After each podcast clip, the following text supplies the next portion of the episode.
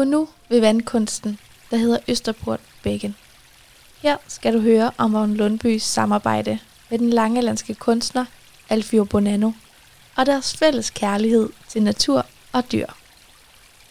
Her på den lille byplads, hvor du nu står for enden af Østergade, kan du se masser af rå granitblokke. De er lagt lidt tilfældigt omkring en lille bæk, der strømmer ind i en dam. I dammen er der oprejst to tætstillede, blankpolerede fladesten, der næsten er 3 meter høje. Kigger du nærmere, kan du se mærkelige tegn indhugget i de høje stenplader. Det ligner lidt menneskefigurer. Det kunne både være mennesker fra en ukendt urtid eller en uvis fremtid. Mellem naturstenene kan du ikke undgå at få øje på de to kæmpe fire ben. Vaksomme og musestille står de, som krybdyr gør. De her krybdyr er dog støbt i bronze. Et epos i tid og rum har Vagn Lundby kaldt denne vandkunst af Alfio Bonanno fra 1987. Bonanno og Lundby delte kærligheden til naturen og dyrene. Bonanno kom fra Sicilien til Langeland i 1970'erne, og ligesom Vagn Lundby blev han meget aktiv i Langelands kulturliv. Alfio Bonanno er blandt andet primus motor i skulpturparken Tikon i Tranekær her bygger verdenskendte landartkunstnere stedspecifikke kunstværker af naturmateriale. Træ, jord og sten.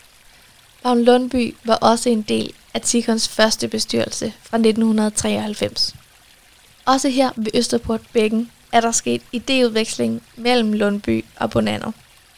Bronzefigurerne af firebenene ligner angiveligt komodo som Magne Lundby havde mødt på Komodoøen omkring 1980. I en rejsebeskrivelse i Berlinske fra den gang ses Lundbys fotos af de kæmpe store krybdyr med klør, der nærmest ligner fingre. Akkurat som du kan se det her på bronzefigurerne ved Østerport Bækken.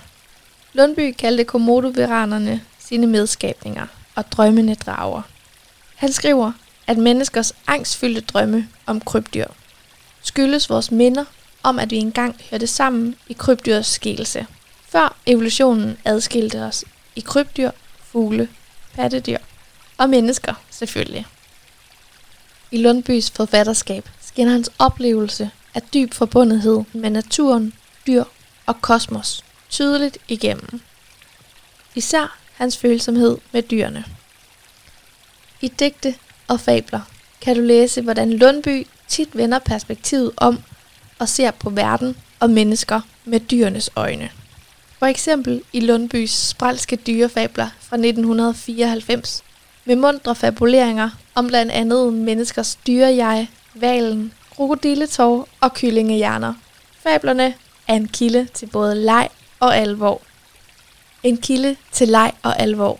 Det kaldte Vagn Lundby netop også Østerport Bækken ved indvielsen i 1987. Han glædede sig over, at børnene klatrede rundt på stenene og øjlerne, og der var plantet timian imellem stenene, så man kunne gå ud og plukke af kunsten til aftensmaden.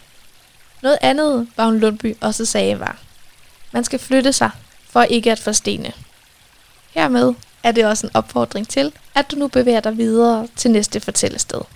Hvis du er med på vandring, så find 12 mellem husene på Jens Vintersvej og gå helt ned til Engdraget. Start næste afsnit, når du er fremme ved skulpturen Lones Bænk.